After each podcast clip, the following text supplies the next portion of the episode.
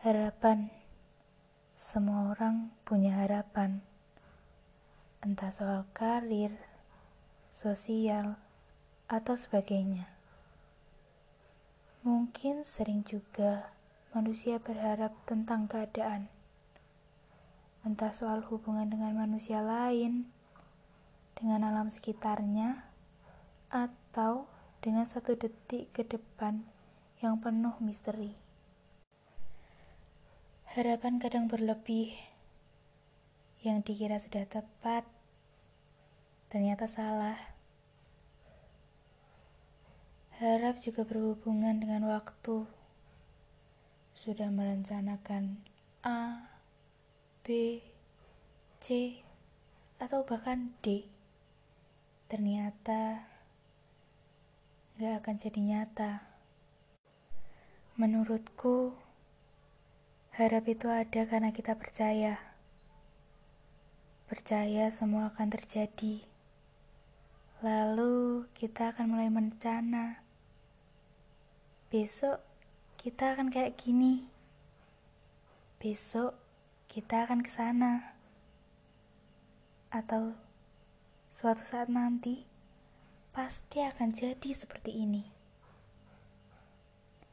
Lalu ternyata semua belum tentu terjadi, entah karena waktu atau karena memang takdir.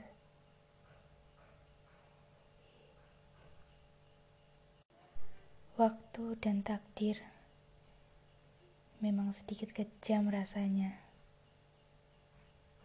karena sering terjadi tidak sesuai dengan yang kita mau. Seringnya orang atau keadaan yang diharap malah pergi duluan. Pergi aja gitu. Balik lagi. Gak sesuai harapan kita. Tapi jangan salahkan orang lain bila kalian berharap Jangan sembunyi di balik tudung. Ah, dia sih ngasih aku harapan. Iya, dia ngasih. Tapi yang ngolah harapan itu jadi kayak apa? Kan kamu. Dia memberi pembukaan. Tapi kita yang membentuk itu menjadi paragraf-paragraf yang bahkan diri kita sendiri rumit untuk memahaminya. Aku rasa hal yang paling tepat untuk kita lakukan adalah kita harus tanemin ke diri kita sendiri. Hati-hati taruh rasa percaya. Percaya itu jalan menuju harap.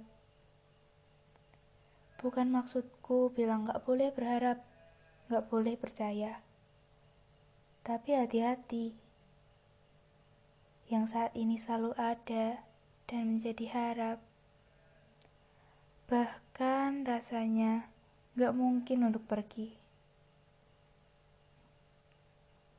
Mau gimana pun jalannya, rasanya gak mungkin semua itu akan pergi atau seorang itu akan pergi gitu aja. Ingat, belum tentu waktu merestui. Merestui bahwa gak akan ada yang berubah. Dan semua akan berjalan seperti harap kita. Maka, kurangi harapmu.